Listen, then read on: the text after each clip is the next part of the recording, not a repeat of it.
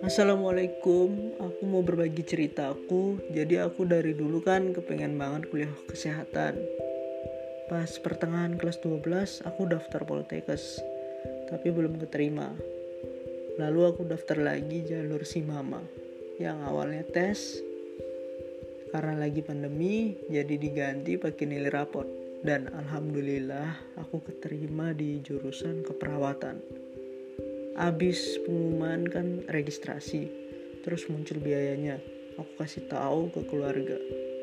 Eh keluargaku belum bisa kalau bayar segitu banyaknya. Terus dipikir-pikir lagi dan akhirnya aku disuruh gapir. Keluargaku juga janji kalau sekarang mau berhenti dulu tahun depan boleh daftar poltekkes lagi. Sedih banget ya mau gimana lagi? Udah diterima di Poltekkes tapi nggak diambil. Aku berusaha ikhlas dan tahun depan aku daftar lagi. Semoga keterima amin. Sekarang aku bantuin ibu jualan di pasar tapi aku juga nggak lupa buat luangin waktu buat belajar.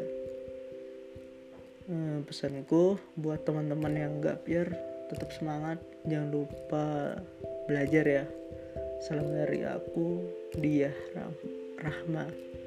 See you di next episode.